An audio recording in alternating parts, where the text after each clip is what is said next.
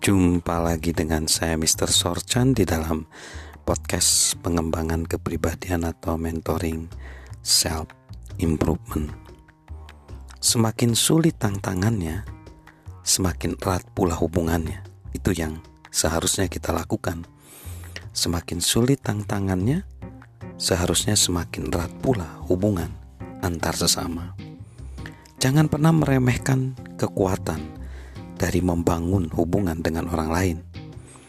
Jika kita pernah mempelajari kehidupan para komandan militer terkenal, kita mungkin bisa mengapati bahwa para komandan terbaik memahami cara untuk membangun hubungan dengan orang lain.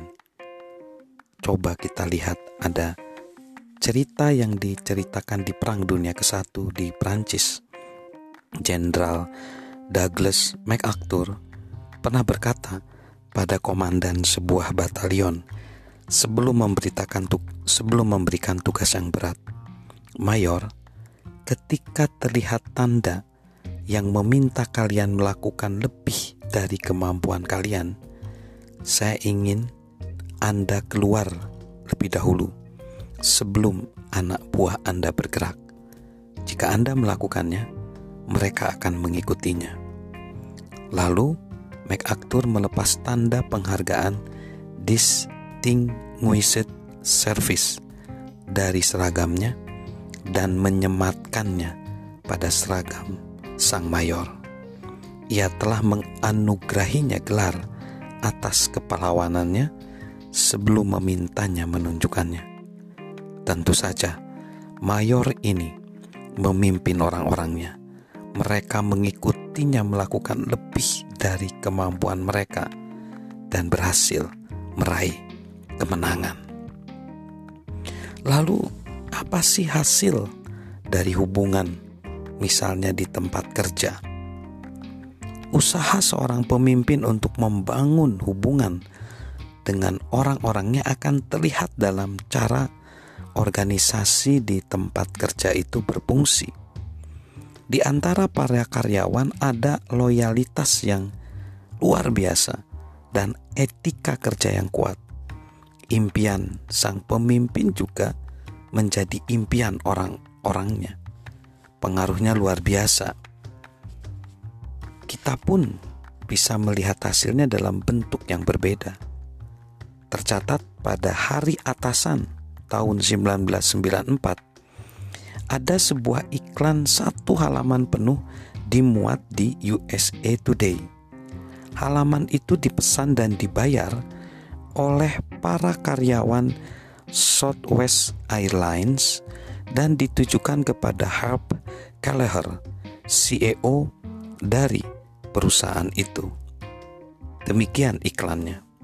Terima kasih Herb karena mengingat nama setiap kami karena mendukung rumah Ronald McDonald, karena membantu menurunkan barang-barang pada hari Thanksgiving, karena mencium semua orang, benar-benar semua orang, karena mendengarkan, karena menjalankan satu-satunya maskapai penerbangan yang menghasilkan keuntungan, karena menyanyi dalam perayaan Natal kami, karena menyanyi hanya satu kali dalam satu tahun karena mengizinkan kami mengenakan celana pendek dan sepatu cats untuk bekerja.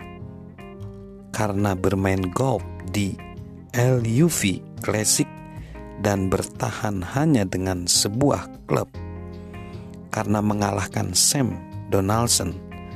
Karena mengendarai Harley Davidsonmu ke kantor pusat di Southwest karena menjadi seorang teman, tidak hanya sekedar seorang atasan.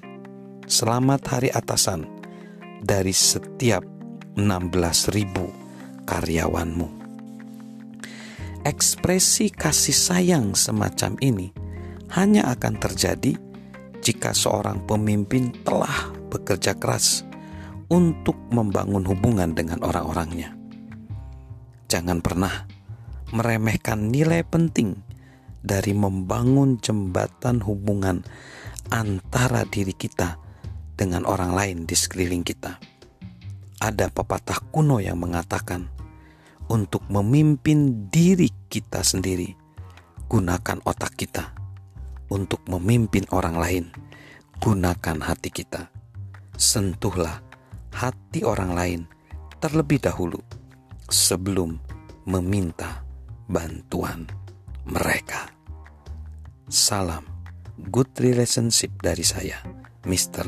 Sorjan.